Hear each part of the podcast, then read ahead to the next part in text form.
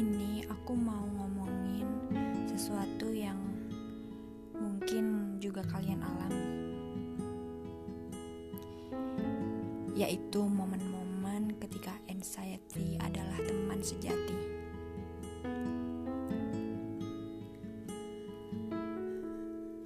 Yang lain udah pendadaran, skripsiku, kok nggak ada kemajuan. Magang di startup Jakarta. Andaru sekarang malah jadi maba S2.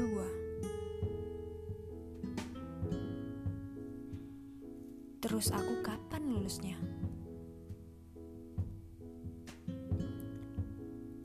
Mau ambil data,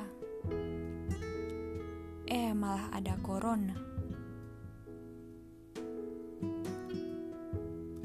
Kadang benci banget sama diri sendiri.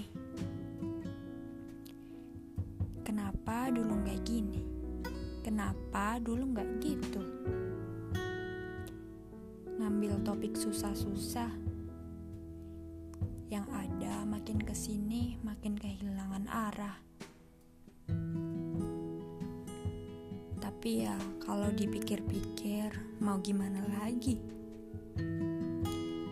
Kalau lihat orang lain gak bakal ada habisnya.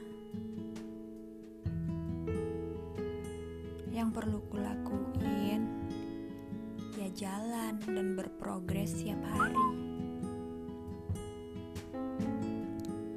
Karena nanti akan ada masanya lapor ke dosen pembimbing lalu berkata, "Pak, minggu depan saya mau daftar ujian ya.